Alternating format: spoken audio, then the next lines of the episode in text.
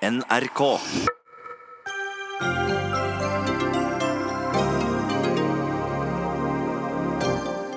300 000 boligeiere opplevde i dag noe de aldri har opplevd før, nemlig en renteoppgang. Hvor godt rustet er generasjonen lavrente mot høyere rente? Det er ikke bare rentene som øker, det gjør også antallet milliardærer. I fjor fikk vi 38 nye, og har nå 308 til sammen. Hva riktig eller galt har regjeringen gjort for å få til det? Danmark og Norge går sammen om innkjøp av medisiner for å presse prisene ned, mens helseminister Høie dermed gliser i skjegget, knurrer legemiddelindustrien, som ikke synes det var noen god idé.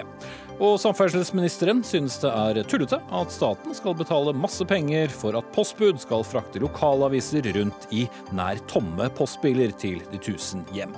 Han møter lokalavisredaktør og en forgjenger til debatt.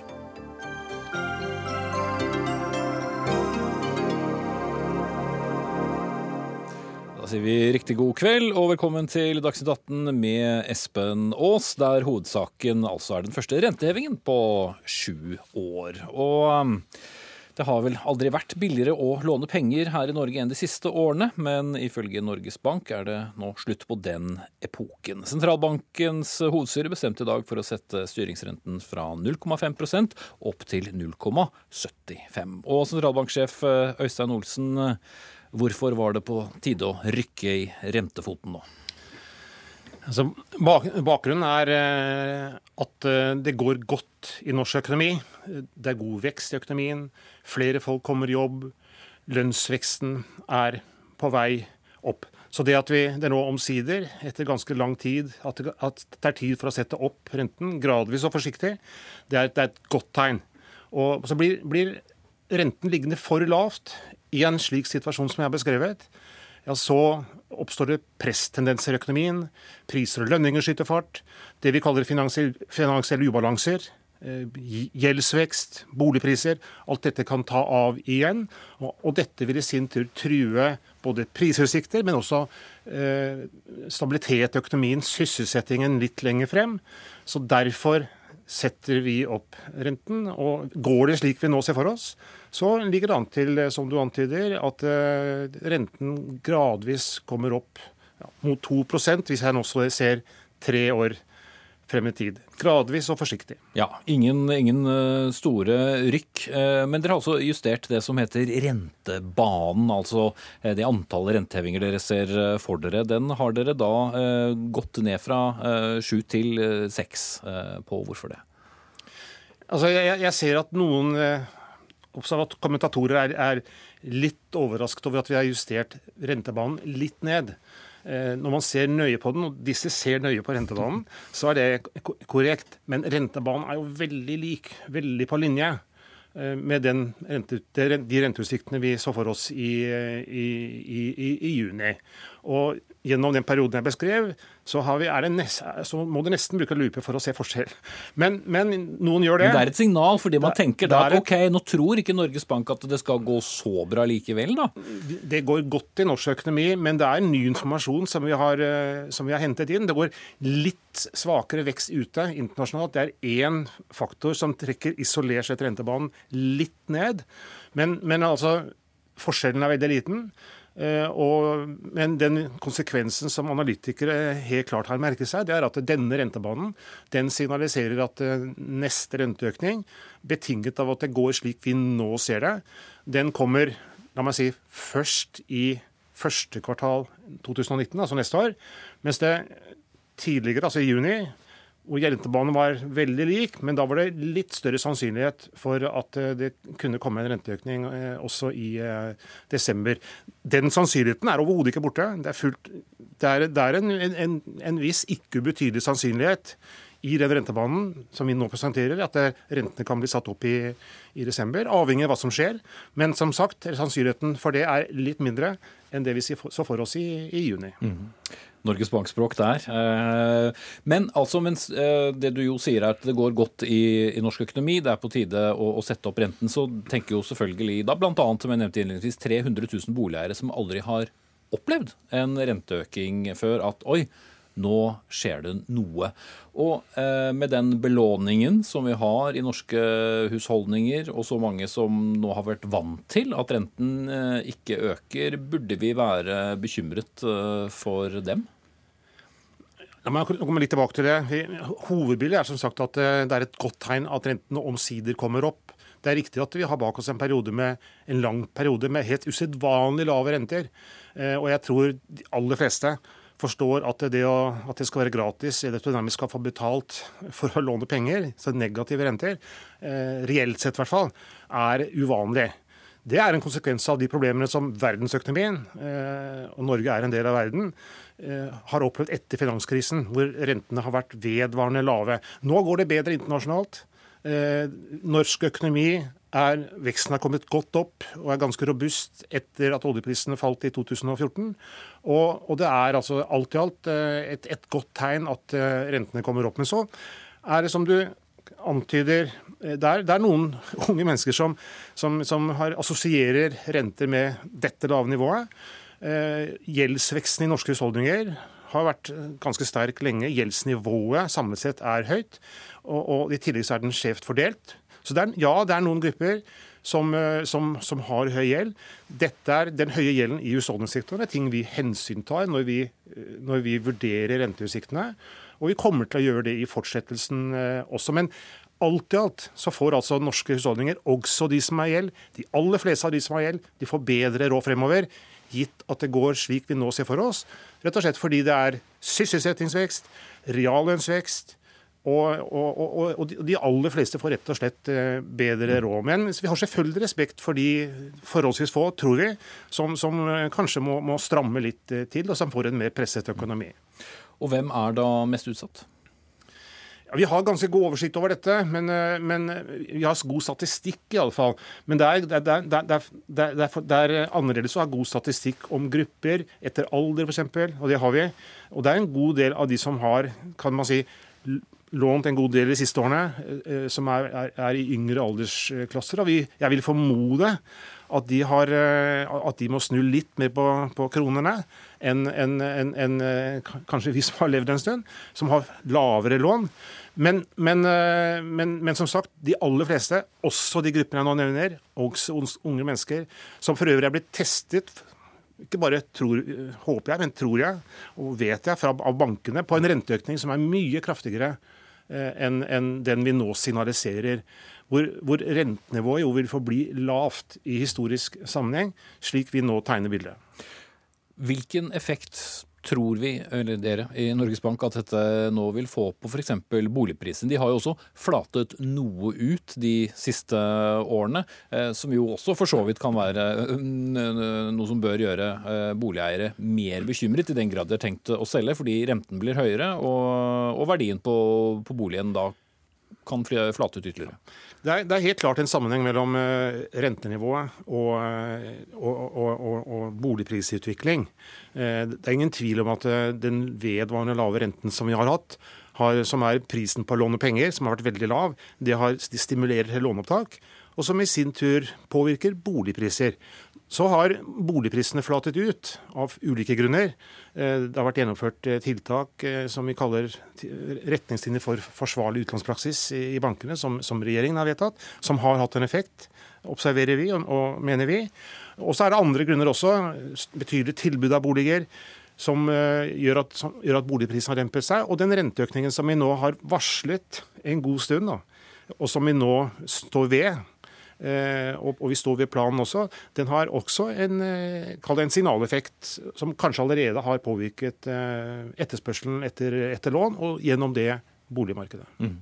Så med andre ord, litt høyere rente og litt mer utflatting av, av, boligprisene, men det er sånn det skal være, sett med en sentralbanksjefs øyne? Ja, altså En moderat boligprisvekst fremover tror jeg de aller fleste vil synes det er bra, gitt at det skjer. Mm.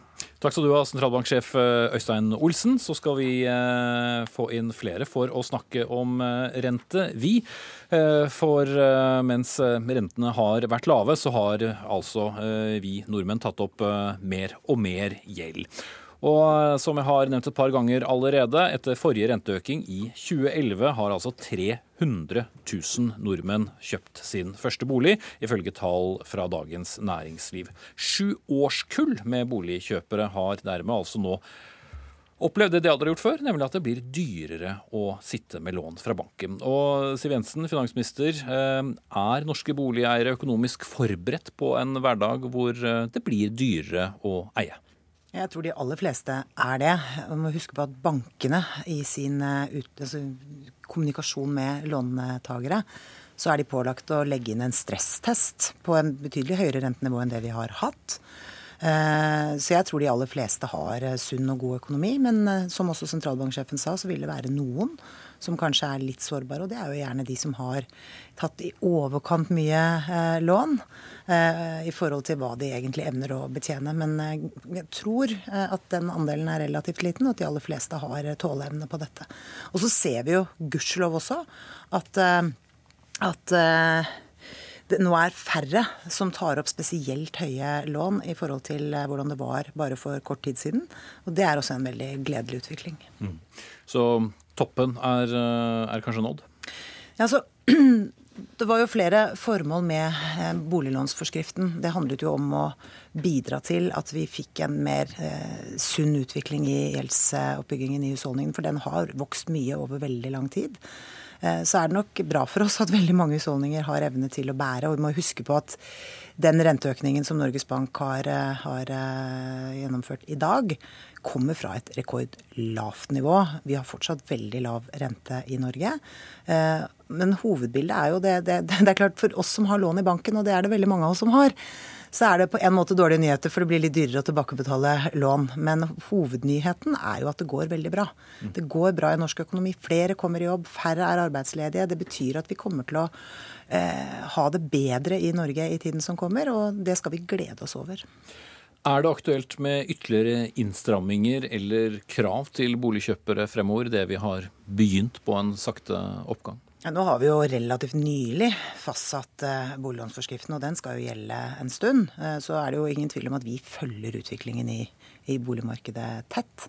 Det handler jo også om eh, hvordan prisutviklingen i boligmarkedet går. Derfor har jo regjeringen gjort flere ting enn bare boliglånsforskriften. Det har jo handlet om å få en bedre balanse mellom tilbud og etterspørsel i, i, boligmarkedet. Nå er det blitt bygget mange flere boliger. Det gjør at du får en bedre balanse, kanskje særlig i pressområdene. Det er klart det er, det er bedre også for de som skal inn i boligmarkedet, at du har en mer moderat prisvekst enn de kraftige hoppene som man har sett en periode. Det har jo gjort at mange har hatt veldig store problemer med å komme inn i boligmarkedet. Og i Norge så er de fleste av oss veldig opptatt av å eie vår egen bolig. Og da er det med å ha en moderat vekst mye bedre enn at den er kraftig. Mm. Eh, Neira Machis, du er eh, sjeføkonom i Prognosesenteret. I likhet med de fleste under 30, så har du som økonom da ikke sett en eneste renteøkning eh, i, Norge før i dag. Hvor godt forberedt tror du din generasjon, eller den generasjonen om du vil, er, er forberedt på renteoppganger? Det er som det ble sagt her, sånn at bankene må stressteste alle kunder og sjekke om de klarer en renteoppgang på hele 5 prosentpoeng. Eh, og selv etter en sånn renteoppgang klare å, å ha nok penger til mat og andre kostnader enn å bo. Så jeg tror de aller fleste er klare for dette. Eh, I tillegg så er den renteøkningen vi fikk i dag så utrolig godt kommunisert. Jeg tror det aldri har vært en renteendring som har vært så tydelig og godt forankret og kommunisert, og det er nesten ingen som har ventet et annet utfall i dag enn den renteøkningen vi fikk. Så dette burde ikke komme som et sjokk på noen. Eh, men om folk har tatt inn over seg hele rentebanen og alle de kommende renteøkningene, det er jeg litt usikker på. Men akkurat renteøkningen i dag tror jeg de fleste er klar for. Og så er det jo sånn at Bankene kan gjøre unntak eh, i 8 av tilfellene i Oslo og 10% på landsbasis. Så det er da eventuelt de som har fått eh, unntak og er i denne avviksgruppen, som er mest sårbare og mest utsatt for en renteøkning. Resten klarer seg nok fint. Eh, fordi En ting er denne kartingen som har vært lenge varslet, men så skal jo renten videre oppover. Og de skjer jo fordi man ønsker en effekt av det. Eh, og hvordan vil den eh, slå inn da, siden vi har eh, økt den med ytterligere kanskje et helt prosentpoeng? Det vil jo bare skje hvis det går bra med norsk økonomi. Så det er litt vanskelig å bekymre seg for det her. Enten så går det ikke så bra med norsk økonomi, da får vi ikke disse renteøkningene. Eller så går det så bra som Norges Bank har sett for seg, og da vil alle få lønnsvekst. Og da vil vi få disse renteøkningene. Så det er ikke de, disse to tingene henger sammen. Det er veldig vanskelig å bekymre seg for at dette skal gå veldig gærent. Eh, jeg tror Norges Bank har full kontroll her. Men hvis eh, jeg skal svare litt mer eh, teknisk på spørsmålet ditt Ikke for teknisk, da. Ikke for teknisk, Det er bare et veldig enkelt regnestykke. Vi har, vi har regnet på det. Hvis du har tre millioner kroner i lån, så vil du ende opp med å ha rundt 50 000 kroner i økte rentekostnader i 2021 hvis Norges Banks rentebane eh, slår inn, enn det du har i dag. Etter rentefradraget så er det rundt 45 000 kroner i året i økte rentekostnader. Og det er en del. Men eh, samtidig ikke for mye til at det liksom skal tippe over hele budsjettet til folk flest, tror jeg. Mm. Eh, og som uh, Øystein Olsen uh, understreket, så er det jo ganske lite rentene skal opp. Men, men Siv Jensen i Finansdepartementet har jo dere tatt høyde for rente mot 10 noe den ikke har vært på, på, på mange tiår. Hvorfor, hvorfor tester man dette, eller, eller sjekker ut scenarioer som går så langt? Du refererer nok til et intervju jeg gjorde hvor jeg sa at da jeg studerte, så ble jeg opplært til å ta hensyn hensyn til en rente på 10% og det, det er jo egentlig litt det bildet som er verdt å ta med seg. Altså det er, For noen år siden så var det norske rentenivået mye høyere enn vi har vent oss til nå gjennom mange år. Eh, husk etter, etter eh, bankkrisen så hadde vi altså et eh, skikkelig boligkrakk i Norge som gjorde at mange fikk skikkelig problemer. Måtte selge eiendommene sine med tap, eh, og samtidig betjene da gjeld på kanskje opp mot 18% rente. Det er jo tilstander vi ikke vil tilbake til. Derfor er det viktig at vi holder fokus på finansiell stabilitet. Og Norges Bank, når de setter renten, så har de jo mange hensyn å ta, deriblant eh, den finansielle stabiliteten. De skal ta hensyn til inflasjon, de skal ta hensyn til flere ting. Og det mener jeg de har gjort i praktiseringen av pengepolitikken gjennom mange år. Uh, Olav Skjenn, uh, porteføljeforvalter i Storebrand kapitalforvaltning. Uh, flere økonomer er jo bekymret for at unge har tøyd strikken vel langt da de kjøpte bolig første gang undervurderte enkelte hvor bevisste unge egentlig er på at det kunne komme en, en renteøkning? Eh, godt spørsmål, og det er jo det som er 1000-kroner-spørsmålet fremover også. Eh, jeg tror mange eh, ikke har tatt nok høyde for det, nettopp fordi at vi har hatt altfor lang periode med lave renter, kriselave renter. Nå nesten åtte år. Men det som er et faktum, er jo at gjeldsgraden i husholdningene, og spesielt da de unge nye låntakere, har jo blitt mye høyere. Slik at et kvart prosentpoeng nå er jo annerledes enn et kvart prosentpoeng for ti år tilbake. For da var jo gjeldsgraden mye lavere.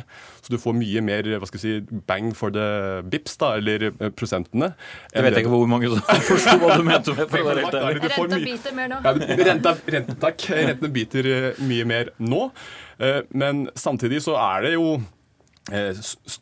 Mesteparten har jo vært eh, i, i, eh, flere faser tidligere hvor rentene har blitt satt opp. Men det er jo de som har vært mest forgjeldet i en periode når boligprisene har galoppert, som jeg er mest eh, bekymret for. For mange har jo selvfølgelig i tidligere tider slått seg til ro med at ja, ja, men boligen min øker jo så mye i verdi likevel at andelen lån utgjør ikke så mye. Men nå har jo boligprisene økt mye mindre de senere årene enn det har gjort tidligere. Så bør det også være en Absolutt. Og når vi ser at boligprisene har stabilisert seg, så vil jo effekten av at du kan eh, fra et rent økonomisk ståsted å låne for å konsumere, da, som jeg tror mange har gjort også, til å kjøpe en ekstra bil eller eh, ja, kanskje hytte også. Det er der jeg tror kanskje risikoen også er høyest, når man ikke lenger ser at boligprisene vil fortsette å stige. For jeg tror jo også at det er mye vanskelig å regne hjem hva skal si, en boliginvestering nå, når renten også stiger. Men samtidig så ser vi at det kommer mange nye boliger også. Og det er jo egentlig en ønsket og en sunn situasjon at du får mer balanse i boligmarkedet enn det vi har sett eh, tidligere. Mm. Det er bare litt mer hyggelig for noen enn andre, avhengig av når du kjøpte. Eh, Ragnar Torvik, professor i samfunnsøkonomi ved NTNU. Eh, altså, hva, hva blir den rene effekten eh, på folks økonomi da, hvis vi ser den rentebanen som Norges Bank legger til grunn? Høres jo i utgangspunktet ikke så mye ut med, med 2 prosentpoeng. Nei, altså jeg, jeg syns ikke det er så mye heller. Jeg tror nok vi må være klar over at vi har sett noe fallende renter i verden i 30-40 år. Og vi skal ikke tilbake til en situasjon med veldig høye renter igjen. Og den rentebanen som ligger inne nå, hvor renta kanskje øker 1,5 prosentpoeng mot slutten av 2021, det er jo en forholdsvis beskjeden økning. Det er kanskje 1,5 prosentpoeng som folk vil, vil merke det på lånet sitt. Og det er Selvfølgelig så vil det merkes, men jeg tror nok at for flertallet så vil dette her være uproblematisk. Altså, vi har gått fra en situasjon fra gammelt av hvor vi hadde lave boligpriser, høye renter. Nå har vi høye boligpriser, lave renter. Og det har jeg, tror jeg kommet for å bli, og det, det balanserer hverandre. Så jeg synes jeg er må si, veldig optimistisk med hensyn på den beslutninga som Norges Bank har fattet i dag. Jeg syns det er en fornuftig, forsiktig økning av rentebanen. Og, og finansministeren har også gjort en veldig god beslutning når det gjelder kapitalbufferen. Og Det betyr at jeg tror ikke vi skal dramatisere dette for mye. Jeg tror at dette, både beslutninga fra Norges Bank og fra Finansdepartementet i dag, det legger til rette for en god og balansert utvikling for norsk økonomi. Men du mente han kunne vente? Ja. altså Jeg syns ikke det er noe veldig stress å få opp renta. Eh, likevel så er jeg veldig fornøyd i dag. fordi at Han satte opp renta, men samtidig så sa Norges Bank at vi skal sannsynligvis ikke sette den opp i desember. Så om vi setter den opp nå eller desember, det har ikke så mye å si for meg. Det som jeg syns er veldig bra i dag, det er den lille nedjusteringa på rentebanen som Norges Bank har foretatt. Og Det syns jeg er bra. fordi at For det første så er det sånn at vi er en veldig god utvikling i norsk økonomi. Vi har hatt fallende sysselsetting over lang tid. De har nå begynt å snu. Og det er rom for å øke sysselsettinga videre uten at vi får sterk lønnsvekst. Og Det bør Norges Bank bidra til. Og Så er det én ting til som er veldig veldig viktig. Og det er at Vi er jo nå i en fase med omstilling i norsk økonomi. Og det å da ikke ha for høye renter for nært fram i tid, det sørger for at vi har eh, en konkurranseevne, altså at eh, krona er tilstrekkelig svak, til at det bidrar til den omstillinga vi skal ha. Så eh, jeg syns at dette ser veldig bra ut. Mm. Men Skjenn, du har vært mer utålmodig på at du skulle begynt dette tidligere. Hvilken effekt hadde det gitt om, om sentralbanken hadde vært raskere ute med renteoppgangen? Jeg er også fornøyd, men jeg skulle gjerne sett at han eh, oppjusterte rentebanen eh, og utsiktene fremover. Jeg er litt uenig i at jeg syns det har vært på høy tid, ja. fordi man har jo ropt ulv, ulv i flere år nå om at renten kan stige. Man har hele tiden skjøvet rentehevingene utover i tid. Så jeg syns det er bra sånn signaleffektmessig også, også i forhold til de unge eh, låntakerne, at det faktisk kan øke og ikke bare falle. I forhold til argumentet her, så syns jeg timingen også er god. I forhold til kronen er jo svak nå. En av grunnene til at Norge har holdt igjen, er jo fordi man ikke kan heve eh, når eh, andre ikke hever rundt deg, for at kronen da kan styrke seg. Men vi ser faktisk at kronen er svak nå, og det byr jo ikke problemer for konkurranseutsatt industri eh, ennå, i hvert fall. Men jeg mener i hvert fall at vi har hatt et kriselavt rentenivå. Vi er ikke lenger i noe krise. Det er tiårsjubileum for finanskrisen nå. USA har banet vei lenge, og det er på høy tid å normalisere pengepolitikken pengepolitikken her. Det er også fordi man i fremtiden skal ha litt krutt til å gi gass igjen. Fordi vi vet at det vil komme eh, dårlige tider en eller annen gang. Det er ikke om, det er når. At man da også har litt rom til å kunne kutte eh, litt. Eh, fordi nå er egentlig nedsiden ganske liten i forhold til å kunne kutte renten eh, mye. jeg. Ja, altså jeg er i hovedsak enig med det Olav Skjenn bortsett fra det siste argumentet som jeg er uenig i. Altså Det argumentet om at vi skal ha renta høy for å ha tørt krutt, det mener jeg er misforstått. Hvis vi setter renta høy, så øker jo sannsynligheten for at det går dårlig fremover. Og Vi kan ikke basere pengepolitikken på en logikk som er sånn at vi skal sette renta høy i dag og øke sannsynligheten for at det går dårlig fremover. Og Det er jo et argument som Norges Bank aldri har brukt. Jeg tror finansministeren heller aldri har brukt det. og Jeg tror ikke de kommer til å bruke det heller, for det er rett og slett eh, Det er ikke sånn det er. Men Matsic, eh, hva med de som ikke er inne på boligmarkedet? Vil det få noen effekt eh, på dem, og i så fall hvilken, det som, som nå skjer? Altså den kommende generasjonen med nye boligkjøpere? Eh, de som er leietakere nå, tror jeg ikke vil, vil merke dette her noe særlig. Eh, eierne av disse utleieboligene kommer til å få litt økte finansieringskostnader, og noen kan til og med finne på å sette opp leien av den grunn, men det syns jeg er litt dårlig gjort.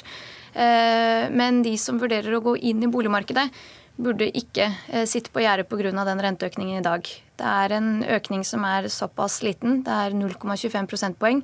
Det er omtrent det du kan få hvis du går til en annen bank med litt bedre betingelser enn den du har i dag. Jeg tror det fortsatt er altfor mange lånekunder i Norge som ikke bruker forbrukermakta si. Ehm, så den økningen vi får i dag er eh, marginal sånn sett. Men hvis de er bekymret for de renteøkningene som ligger fremover i tid, så tror jeg de skal ha i bakhodet at det å kjøpe bolig for å bo i den, det lønner seg når som helst i Norge. Eh, hvis du skal kjøpe for å investere, så ville jeg ikke gjort det nå. Fordi vi venter svekkede boligpriser. Skal du bo deg selv, så er dette en trygg investering, vil jeg si. Men mange vil jo tenke hvorfor ikke vente og kanskje ikke få en billigere uh, bolig? Det kan du sikkert, men da må du ta med leiekostnadene i mellomtiden. Og så må du sette opp et regnestykke hjemme i Excel og gjøre det riktig. Men eh, Siv Jensen, eh, ja, for så vidt eh, gode utsikter som Skjenn sier her. Men dere skal jo være litt pessimistiske ofte også i Finansdepartementet, i hvert fall realistiske. Hva kan eventuelt være skumle, mørke skyer på himmelen i scenarioet fremover, sett med deres øyne, da? Det er jo en usikker verden. Eh, det foregår mye internasjonalt som eh, kan påvirke norsk økonomi. Eh, det er helt åpenbart en usikkerhetsfaktor som er vanskelig for oss å kontrollere. Og så er det jo det jeg har sagt veldig mange ganger, hensyn til finansiell stabilitet er utrolig viktig. Det at ikke vi får for høy gjeld i husholdningene, det er en betydelig utfordring som vi må ta på alvor. Og Det er jo derfor vi har tatt en del grep, tatt virkemidler for å dempe gjeldsveksten. Og vi ser jo nå at det sakte, men sikkert begynner å hjelpe, og det er veldig bra. For det gjør jo at eh, vi kanskje om noen år vil se en litt mer normalisert utvikling også på, på gjeldsveksten. Men, eh, men alt i alt så er jo norsk økonomi veldig solid. Vi har penger på bok. Og du må huske på at eh, i diskusjonen om hvilke virkemidler vi skal bruke i ulike situasjoner, så har jo vi nå i kjølvannet av eh, oljeprisfallet i 2014, så brukte vi jo alle Da var jo alle virkemidlene i sving. Partene i arbeidslivet gjorde sin del av jobben gjennom lønnsoppgjørene. Krona var svak. Eh, renten var rekordlav. Og vi kunne gi gass i finanspolitikken fordi vi har en eh, solid økonomi. Eh, og så er jo spørsmålet hvilke virkemidler skal vi ta i bruk når og hvis det kommer en ny eh, krise. Vi har jo diskutert veldig mye nå i kjølvannet av finanskrisen. Når kommer den neste? Det vet ingen, og vi vet heller ikke hva som vil utløse den. Men fordelen for Norge er jo at vi har en veldig solid økonomi. Vi har solide banker som har solid egenkapital. Det gjør at vi kan stå oss godt gjennom en mulig kommende krise, og at vi har penger på bok som gjør at vi kan gi gass over budsjettene ved eventuelle eh, nedgangstider. Mm. Men med økonomene her, er dere, er dere like lave skuldre? Ja, eh, jeg synes at eh, altså Hvis vi ser på Norge, så har vi orden i eget hus, kort og godt. Det som, men det betyr ikke at det er ikke faresignaler fremover. Men jeg tror Nei, de faresignalene del, de kommer fra utlandet. Ja, Nemlig. For en del utenlandske eh, finansmedier og aviser har jo også sikkert fordi det er ti år siden finanskrisen, prøver jo å se hvor, hvor bør vi nå se. Og ikke alle virker jo uh, av utenlandske uh, eksperter virker like beroliget om at det ikke kommer mer. Så hvor skal vi se? Jeg tror at Hvis vi skal se de store faresignalene for norsk økonomi, så er det den økende proteksjonismen. Altså Det er få land som er så avhengig av å handle med andre som Norge. og Det er to grunner til det. For det første så er vi et lite land, og for det andre så er vi et land som er basert på naturressurser. Så det, Vi er helt avhengig av tilgang til verdensmarkedene. Så den store store faren for oss det er hvis den eh, bevegelsen nå i retning av mindre fri handel over landegrensene fortsetter. Da har vi et problem. Da snakker du bl.a. om eh, USA og Kina og ja. tollbarrierene. Ja. Ja, nei, jeg er helt enig. Den store bekymringen nå er jo nettopp at eh, det kan eh, redusere global vekst. Og Norge er jo en liten åpen økonomi som er såpass avhengig av at den globale konjunkturen går bra eh, også. Så jeg er helt enig der. Men uansett eh, hvor man vrir og vender på det, så er det et kriselavt rentenivå. Det er liksom ikke noe tvil om det. Det er jo negative renter i Sverige, det er negative renter i eurosonen. Liksom, hva er negative renter, fikk jeg et spørsmål om tidligere uh, her i NRK-huset også. Det er jo uh, unormalt, og det er jo fordi det er, har vært ti, uh, ti, år siden det var finanskrisen, men den er egentlig litt tilbakelagt nå. Og Det er selvfølgelig alltid noe man kan være bekymret seg over. Jeg er også bekymret for handelskrigen, men jeg tror det har mer langsiktige konsekvenser. Det er ikke nødvendigvis slik at du plutselig plutselig får en brå stopp i verdensøkonomien og får massearbeidsledighet og en finanskrise igjen. Og Sånn sett så mener jeg at det er helt på sin plass å normalisere eh, pengepolitikken. Mm. Også fordi man skal kunne bruke renten slik det har gjort eh, tidligere. Og det har jo ikke vært så veldig enkelt når den har ligget på, på bunn. Nei, nettopp. Og har, Sentralbanken har jo vært eh, kreative i denne nedturen her med å trykke penger over en veldig lav sko. Eh, vi skal ikke lenger enn til Sverige og se at de også har trykket penger sammen med både ECB og sentralbanken. Eh, men hvis du tenker på det, hva, hvorfor trykker man penger? Det høres jo helt rart ut at man faktisk trykker elektroniske penger. Men det er jo en krisesituasjon. Igjen, vi hadde også statsgjeldskrisen sånn sett. Selvfølgelig ble det nevnt at rentene vil ikke komme opp til 10 Eh, prosent. Det er ingen som prater om det, bortsett fra å si Det. Men liksom, bare at du ser en normalisering da, hva, hva vi snakker om? Vi snakker om ett prosentpoeng neste to år. Det er liksom ingenting. Og liksom, timingmessig er det vi diskuterer om skal komme her i september eller desember. Jeg, jeg mener jo selvfølgelig tidligere jo bedre, eh, for å på en måte bare komme, komme i gang. For det har vært ropt ulv, ulv i flere år nå. Og det vil føre til at husholdningene tar opp med gjeld. Men ikke bare det, vi ikke prate om foretakssektoren. Folk som begynner å ta opp masse gjeld og girer seg opp der. Og bygge opp ubalanser, ikke bare i Norge, men i utlandet, hvor eh, det kan føre til å legge rette til for en neste finanskrise. Mm. Masic, du hadde hånden oppe, så vi runder Apropos bekymring, en siste bekymring, det er kronen. Hvorfor den fortsatt er så svak, selv om oljeprisen har stabilisert seg på et mye høyere nivå. Eh, det har vi ikke viet så mye fokus til her, men det syns jeg er en grunn til bekymring. Og man kan jo nesten lure på om de som sitter utenfor Norge, lurer på om det kommer til å gå dårligere her enn det vi selv tror.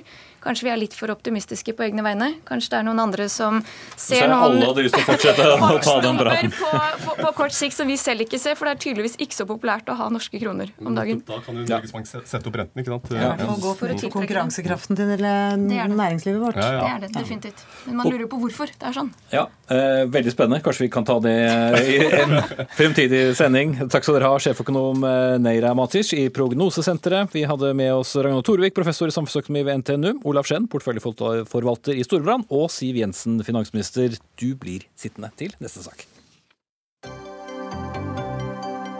Dagsnytt 18 alle hverdager klokka 18.00 på NRK P2 og NRK2.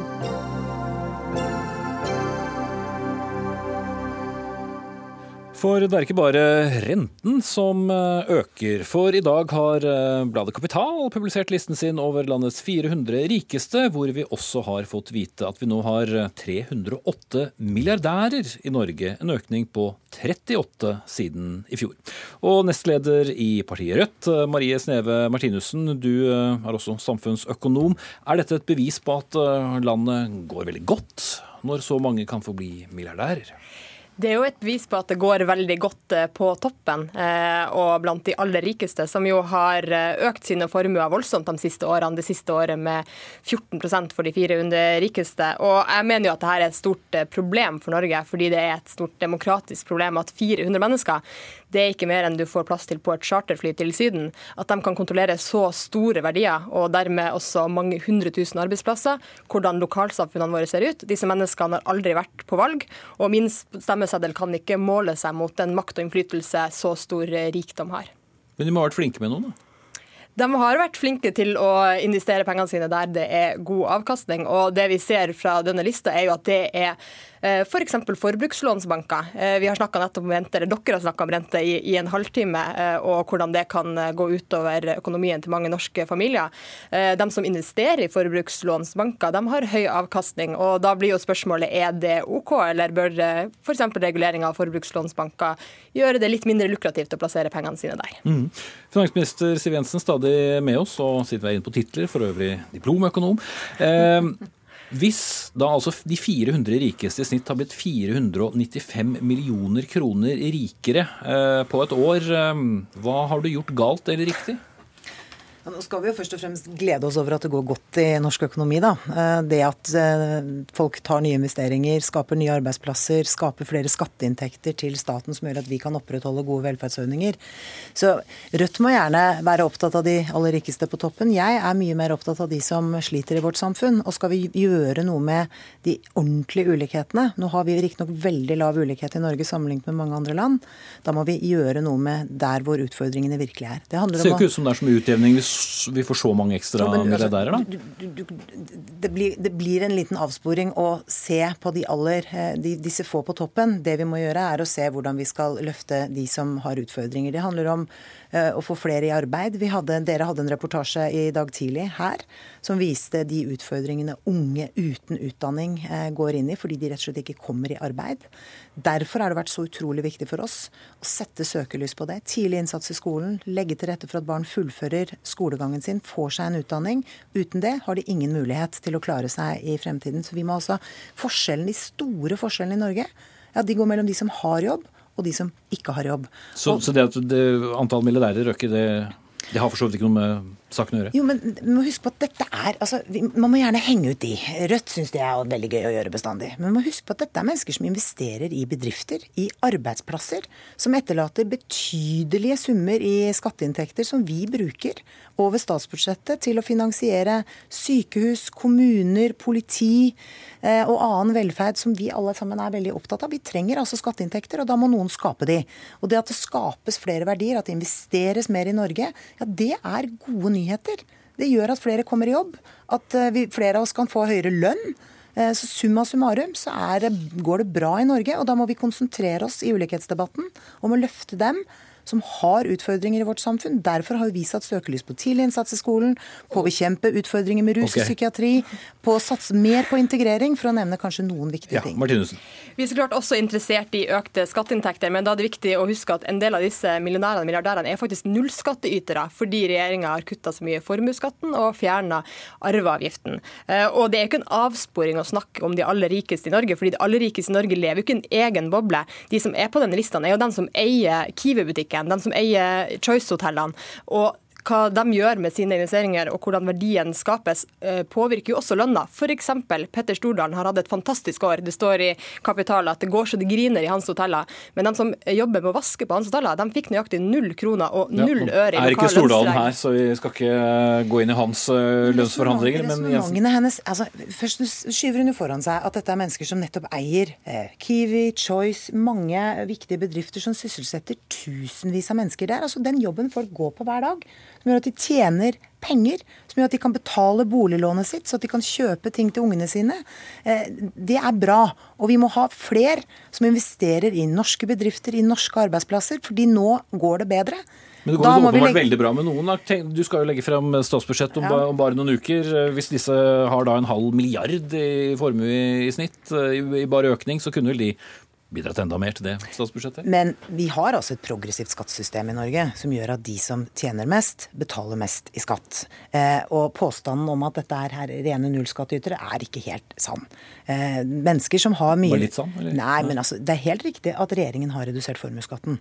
Det har vi gjort med overlegg, fordi vi mener det er galt at norske eiere av norske bedrifter skal skattlegges hardere enn utenlandske eiere av norske bedrifter. Eh, så er det også helt riktig at vi har fjernet arveavgiften. Og det var viktig, fordi da sidestilte du arbeideren med, eh, med en, en, en, riking, som jeg, Rødt ville kalt det. I, jo, men i retten, muligheten til å kunne arve en hytte eller en eiendom som har vært i familiens eie gjennom mange år. Det var mye vanskeligere for de som hadde en lav økonomi å gjøre det pga. arveavgiften. Og vi tok den bort, så løste vi mange store problemer i helt vanlige husholdninger. Martinus.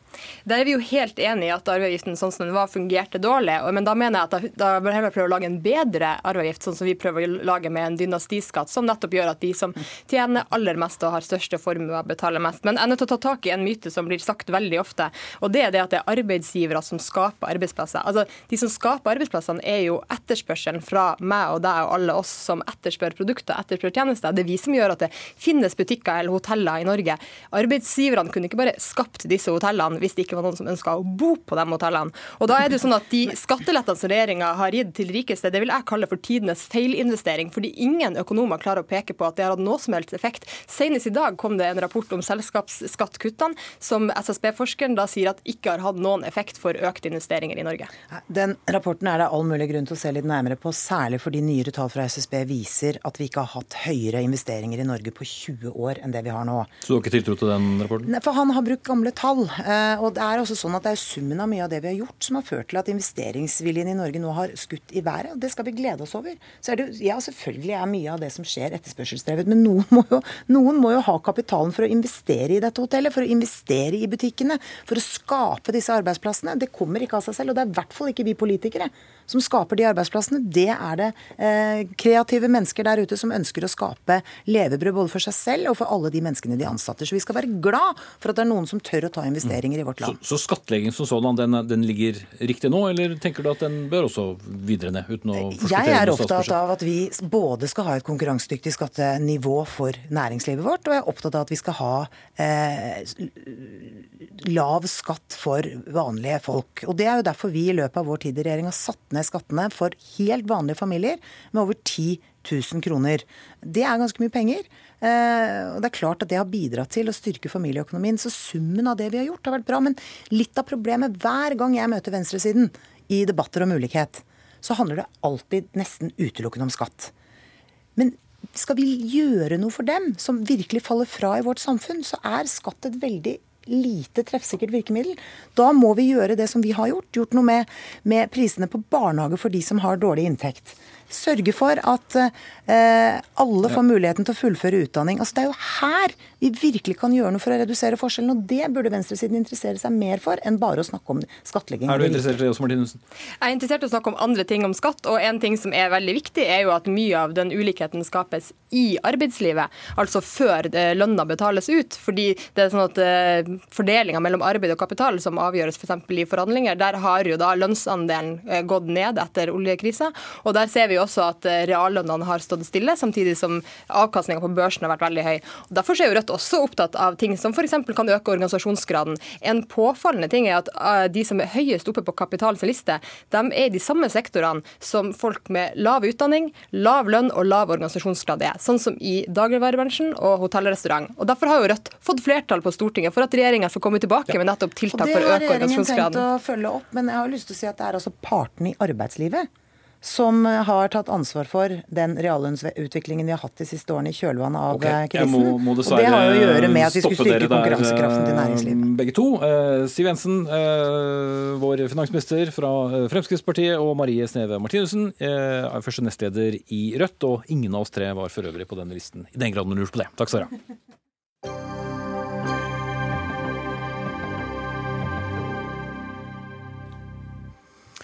Norge og Danmarks intensjonsavtale om eh, felles prisforhandlinger på enkelte legemidler har skapt reaksjoner. De to landene inngikk samarbeid på bakgrunn av det Helsedepartementet omtalte som et uetisk prisnivå på noen nye legemidler.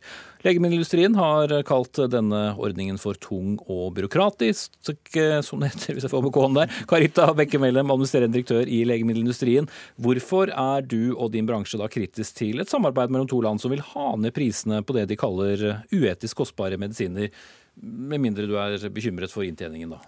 Vi mener at det er stor grunn til å stille helseministeren noen spørsmål om eh, hva som er motivene, eh, sett i lys av det norske beslutningssystemet, som vi vet har store forbedringspotensial. Og Det har Høie sjøl sagt, eh, senest i sommer, at det norske beslutningssystemet er klar for forbedringer. Og Det vi frykter, det er at vi nå legger nye byråkratiske lag på det systemet vi har i Norge, som gjør at vi ikke klarer å bygge pasienten sin helsetjeneste. Tvert imot så vil dette bety at pasientene må vente lenger på den mest innovative nye behandlinga. Mm. Høie, helseminister fra Høyre.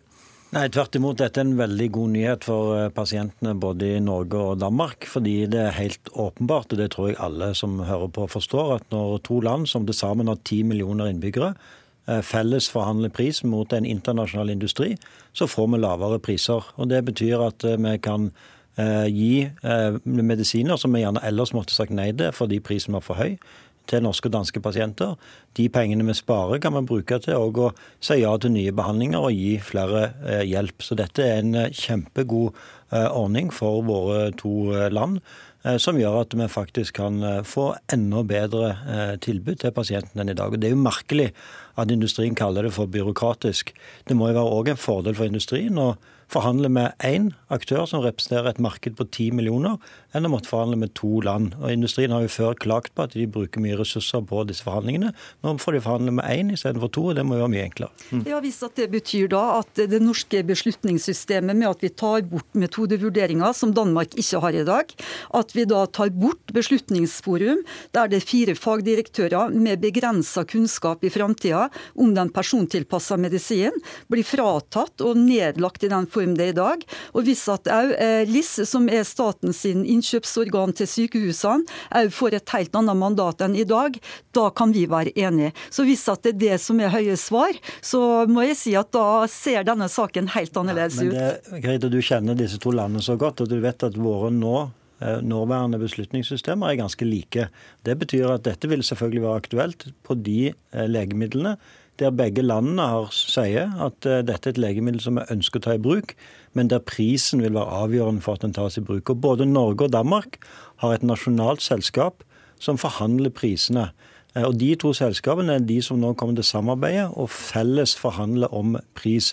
Men det kommer selvfølgelig å gjøre på et tidspunkt der begge landene har sagt at dette er et legemiddel som vi ønsker til bruke. Så dette betyr ikke mer byråkrati, det betyr mindre byråkrati. Det forsinker ikke Eh, beslutningsprosess, med mindre industrien som du representerer, eh, nekter å forhandle med de to landene. Da kan industrien igjen, som vi dessverre har sett i flere andre saker, eh, være med på å trenere innføringen av medisin. Dette er jo direkte feil. For det er ikke riktig at en kan sammenligne det danske systemet opp mot det norske. Det er to vidt forskjellige system, der en ikke har den type helseøkonomiske vurderinger som Norge har, før en tar i bruk innovativ ny behandling. Så det er ikke riktig det du sier. Men hvis programleder kan være så frimodig å gå imellom et lite øyeblikk. Eh, Bekkemellom, hva sier du til de som eh, mistenker at du først og fremst er bekymret for eh, inntjeningen til eh, dine medlemmer, da, fordi at de må selge medisiner billigere? Det våre medlemmer er opptatt av, det er jo å få de innovative, nye medisinene ut til pasientene. Og det vi ser i Norge, er at vi henger etter når det gjelder å ta i bruk den nye behandlinga.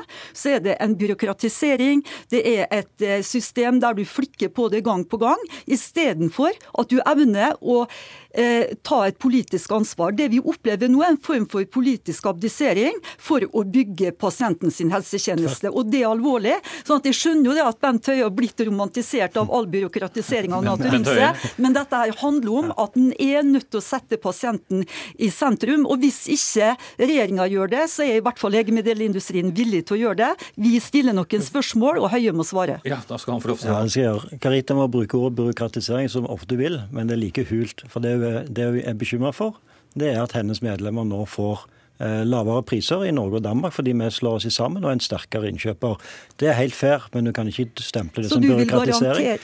Og Det andre er at eh, det som òg er Caritas sitt problem med denne avtalen, at den òg viser for hele den norske befolkningen at det er ikke bare Norge som stiller krav om at det skal være sammenheng mellom pris og eh, effekt av medisiner og gjør helseøkonomiske vurderinger. Det gjør han òg i andre land, inkludert eh, Danmark. I alle og det har, eh, det har Carita og hennes organisasjon prøvd å skape et vrangbilde av over lang tid, om at Norge er en særstilling, men det er vi faktisk ikke. Men det som nå skjer, det er at vi i større og større grad samarbeider eh, mellom landene i Europa. Men Norge og Danmark går her foran og internasjonalt ved faktisk å gå så langt at vi skal forhandle priser sammen. Og Jeg håper at Sverige og Finland Eh, hiver seg på. Jeg er ganske sikker på at Island er med eh, ganske raskt. og Det betyr at da skal hennes industri få møte land som representerer 25 millioner innbyggere i de prisforhandlingene. og Det kommer å være en kjempefordel for de nordiske pasientene. Men Det er du ikke så begeistret for tanken på? eller? Jo, altså Hvis eh, Høie effektiviserer og endrer det norske beslutningssystemet og går i dialog med industrien for å spille dette systemet bedre, så er vi villige til det.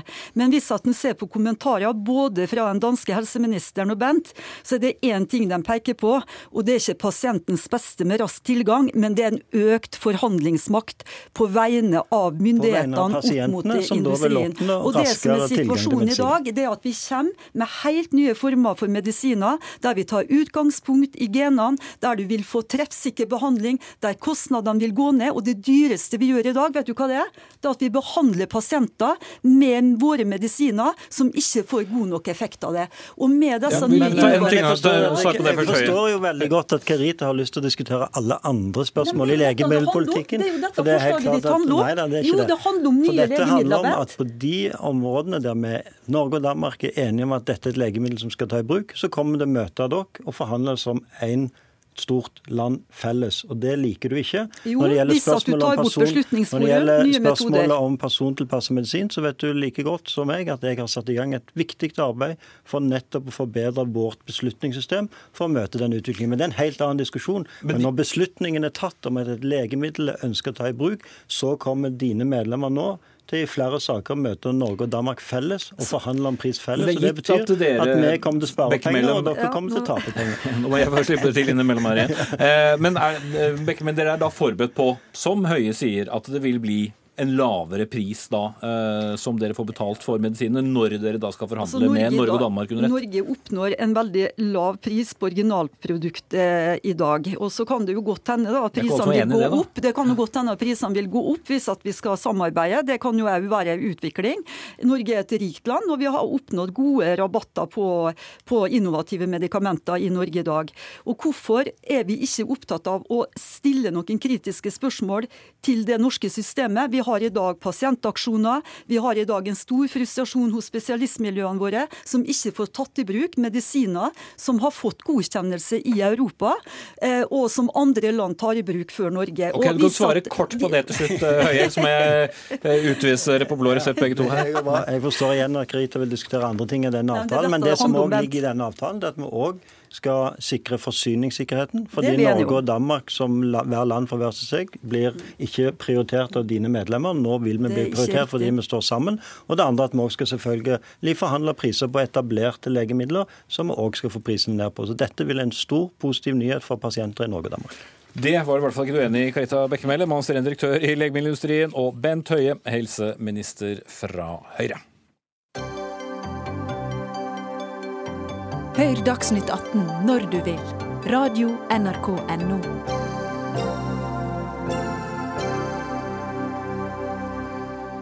Sjansen er kanskje etter hvert stor for at folk oftere henter avisen enn post i postkassen. Men nå kan det bli enda sjeldnere. For dersom Stortinget følger Postens råd om å redusere postomdelingen til annenhver dag fra 2020, hva skjer da med lokalavisene? Mediebransjen frykter avisdød for mange titalls aviser, 60 i tallet, dersom forslag til endringer blir vedtatt i ny postlov. Samferdselsminister Jon Georg Dale sier til Klassekampen i dag at sitat, det er grenser for hvor lenge staten kan betale hundrevis av millioner for å kjøre tilnærmet tomme postbiler over hele landet. Og Bengt Flaten, redaktør i Fjordingen og leder av Sogn og Fjordane Avisforening. Hvorfor mener du det er så dramatisk om Posten går ned til annenhver dag-levering? Det er fordi at veldig mange aviser i landet, og, og også vår, har eh, basert mesteparten av distribusjon på Posten, som har vært et infrastrukturtiltak i landet vårt i alle år. Uh, hvis den blir tatt vekk, og han er jo allerede redusert, tatt vekk på lørdag, uh, blir den redusert til uh, annenhver dag, så betyr det at Posten ikke vil komme ut de dagene avisen kommer ut. Papiravisene står fortsatt veldig sterkt. Abonnentene våre vil ha papir. Økonomien vår ligger i papir. Og Derfor så er dette dramatisk. Men uh, du sitter jo og skriver ut nyheter fra en uh, datamaskin og, og, bærer det hjem til folk. Og det er vel en utvikling som uh, uansett det brenner et, et rødt lys for? Helt rett. Vi sitter og skriver på data, og vi distribuerer digitalt. Vi har e-avis, som abonnentene våre har tilgang på, selvfølgelig. Og vi distribuerer vanlige nyhetssaker på vanlig åpen nettside og noen lukka saker. Men eh, sjøl om politikere, og gjerne vi, eh, hadde ønska at den digitale utviklinga går så fort eh, blant abonnentene våre, som f.eks. Eh, politikere sier at den gjør, da hadde situasjonen vært annerledes. Men situasjonen og virkelighetsbeskrivelsen er ikke, stemmer ikke. Folk vil ha papir, og da må vi ha distribusjon. Mm. Men uh, Jon Georg Dale, samferdselsminister, og da også har dette Posten som sitt ansvarsområde. Du syns ikke det er noen god idé? Jo, jeg mener jo at vi har vist også når vi la om fra seks til fem dager. Vi hadde akkurat den samme diskusjonen da som vi har nå. Men litt at, mer dramatisk med annenhver dag? Jo, jo, men, men utgangspunktet var det samme. Da valgte vi å kjøpe ekstradistribusjon på avisene ved lørdager, som gjør at vi håndterte det. Vi har ikke endelig konkludert hvordan vi skal håndtere eventuelt nedgang nå denne runden. Men det er jo ingen tvil om at vi er opptatt av å sørge for både mediemangfoldet og at vi skal greie å få ut en distribusjon på aviser. Men det, så er jo utfordringa at det er altså ingen politisk ønske om å kutte antall postomdelinger. Problemet her er helt motsatt. Det er folk som begynner å kutte ut behovet for posten. Og Det gjør at postvolumet er raskt fallende. Færre og færre bruker det. Og allerede nå anslår Posten at i 2021 vil det være lønnsomt å bare dele ut post én dag. Det viser hvor fort den digitaliseringa som skjer, gjør på veldig mange områder. Og det har jeg sagt. Vi er innstilt på å finne fleksible og gode løsninger på kort sikt, men vi må også få opp tempoet på lang sikt, sånn at avisene henger med resten av samfunnet. Å subsidiere det, det er ikke Nei, fordi altså, Det som er utfordringa nå, det er at det er ca. 15% av landet vi ikke har distribusjon, eller har distribusjon gjennom Posten, som ikke vil ha det på, på annet vis. Det jobber vi med å se hvordan vi skal håndtere. Men så er utfordringa at vi skal bruke en halv milliard kroner på det, som vi anslår at vi må gjøre i 2025 hvis vi skal kompensere, så er det altså en halv milliard kroner vi kunne brukt på andre tiltak i distriktspolitikken. Eller i mediemangfoldspolitikken som antagelig hadde vært vel så effektive som å kjøpe posttjenester. Og Det er den diskusjonen vi trenger hvis vi skal lande gode løsninger. Ok, Vi kan for, prøve å ta avisene av den uh, nå, hvis jeg setter punktum for deg og slipper til uh, Marit Arnstad, stortingsrepresentant for Senterpartiet og tidligere samferdselsminister for den sakens skyld. Uh, du er også negativ med det før departementet har lagt fram forslaget sitt til, til endringer. Hvorfor? Jo, fordi at denne regjeringa er så vanskelig å forstå seg på. Eh, altså Det er ikke mer enn et par-tre måneder siden kulturministeren var på Stortinget og ba på sine knær om at vi måtte bli enige om hvordan vi skulle legge noen rammebetingelser for å redde på en måte, eller for å hjelpe mediebransjen gjennom den krisen de er i. Eh, og da er det en rekke tiltak som blir diskutert. Men samtidig så sitter altså samferdselsministeren og eh, planlegger en mulig nedskalering av Posten, som alene kommer til å eh, antagelig velte en sånn 400-500 millioner i kostnader over på mediebransjen. Og det er klart at For en bransje som er i så sterk endring over så rask tid som det mediebransjen nå er, så kommer det til å være en stor belastning. Og det er vanskelig å forstå at de ulike departementene her har snakka sammen. fordi det kan umulig være sånn at vi skal lage en pakke på Stortinget for Eh, en omstillingspakke for mediebransjen, og så samtidig skal du rive grunnlaget under mye av distribusjonen av avisene. Dette viser jo det Senterpartiet vi har sett de siste åra. De er mot forslagene sjøl før de har sett dem. Og det er jo det som er det best Jo, jo, men så er på utfordringen. Jo, jo, men, men det, er jo det, som er, det er jo det som er det mest paradoksale, for en forskutterer altså hva beslutninger vi kommer med. Og det er sagt at Vi trenger inn diskusjon med mediebransjen. Derfor har vi dialog med dem på hvordan vi skal håndtere det. Vi utfordrer dem på hva som er de kritiske eh, elementene gjennom, og det de for så vidt meldt en del på gjennom høringa. Vi har hatt dialog med dem også etterpå det. Og Regjeringa skal gjøre sine endelige vurderinger, så skal vi komme til Stortinget med det. Men du men, sier men, da at men, det er åpning for å fortsette den ordningen lenger, eller nei, sier du ikke? Jeg, jeg, sier i hvert fall at ja, altså, jeg ser ikke for meg at vi sleder bryterne på det i morgen, men jeg sier samtidig at vi må finne en måte å gjøre det på som gjør at de avisene som nå sier at digitaliseringsløftet f.eks. er for stort, Kanskje er det andre måter å være med å løse det på enn nødvendigvis kjøp av posttjenester herifra og er til evig tid. Og Det er den diskusjonen vi trenger. Og så merker jeg meg at Senterpartiet ikke er opptatt av den diskusjonen. De vil se at postvolumet fortsetter å falle, og de vil ikke se på noen andre løsninger på det, for de er mest vi opptatt av å være mot regjeringa sine forslag. Ok, Er det det det handler om, Arstad? Nei, det dette handler altså reelt sett om hvordan du skal på en måte, hvordan norske medier og mediemangfold skal komme seg gjennom den kneka de nå er i. Og det er tross alt sånn at regjeringa har varsla at de kommer med endringer i postloven i løpet av høsten. Og Det kan bety at det er ikke så langt unna. På tross av at eh, Mediebedriftenes Landsforening jo sier at dette her er skandaløst dårlig utreda. Den rapporten fra Copenhagen Economics er elendig. Og det her pratet fra regjeringa om digitalisering altså Mediebransjen har drevet og sett på hvordan du digitaliserer i ti år. I ti år har de prøvd å få folk over på digitale plattformer. De har prøvd å lage innovative løsninger knytta til betalingsmåter også på digitalt innhold. Og det er kjempevanskelig. Og det er den der kombinasjonen som de i dag har av både papiravisene og abonnement, som er en inntektskilde, og digital overgang, det er den de strever med hver dag. Og så skal de på en måte bli slått beina under på distribusjon. Det er så, så merkelig, og særlig da på grunnlag av noe som er så dårlig utreda som denne eh, eh, endringen er for mediebedriftene sin del. Men jeg vil ta inn eh, Bengt Flaten, eh, stadig direktør i, i, i Fjordingen. Jeg, altså hvis, hvis dine lesere må, vil de ikke da fortsette å lese den digitalt? Jo, men faktum er at i dag, og dette syns jeg er litt interessant, for 20% av våre abonnenter er i dag rene digitale abonnenter. Eh, alle abonnentene våre har tilgang på de digitale produktene våre. Eh, I det daglige så er det faktisk kun 30% sørgelig nok, som er hyppig på og bruker. Og Det understreker at eh, det er veldig viktig å gå i rett tempo her. Og det er veldig viktig. Jeg er glad for Dale sitt signal om at han vil ha dialog og sette seg ordentlig inn i ting. Det er forskjell mellom by og land. Det er forskjell mellom lokalavisfloraen og de store avisene. Og De tingene er veldig viktig å ta inn over seg. Det er mye enklere å ha et budfirma i byene til å distribuere enn det er der Jon Georg eh, og jeg kommer ifra, f.eks. Eh, vi bor eh, etter hvert snart i samme kommune i Volda. Jeg har kontoret mitt i Stryn. Det er 20 mil å kjøre rundt i Stryn for å distribuere avisene. Og bare oppi ett av dalførene, Oldedalen f.eks., det er to og en halv mil hver vei. Ja, det bor ikke veldig mange mennesker. Hvis du vil få et superkort svar av Dale helt til slutt, så er muligheten nå. Dette viser jo først og fremst at avisene nok en gang viser seg mer konstruktive enn Senterpartiet. og Det gjør at vi skal få til god dialog fortsatt. Så skal vi lande en løsning som alle kan leve med. Ja, nå hadde du flaks da med, med den, siden det var ti sekunder litt... igjen. Så du får ta den på utsiden, uh, Arnstad. Ansvarlig for uh, sendingen, Jaran Remikkelsen. Teknisk ansvarlig, Lisbeth Sellereite. Jeg heter Espen Aas.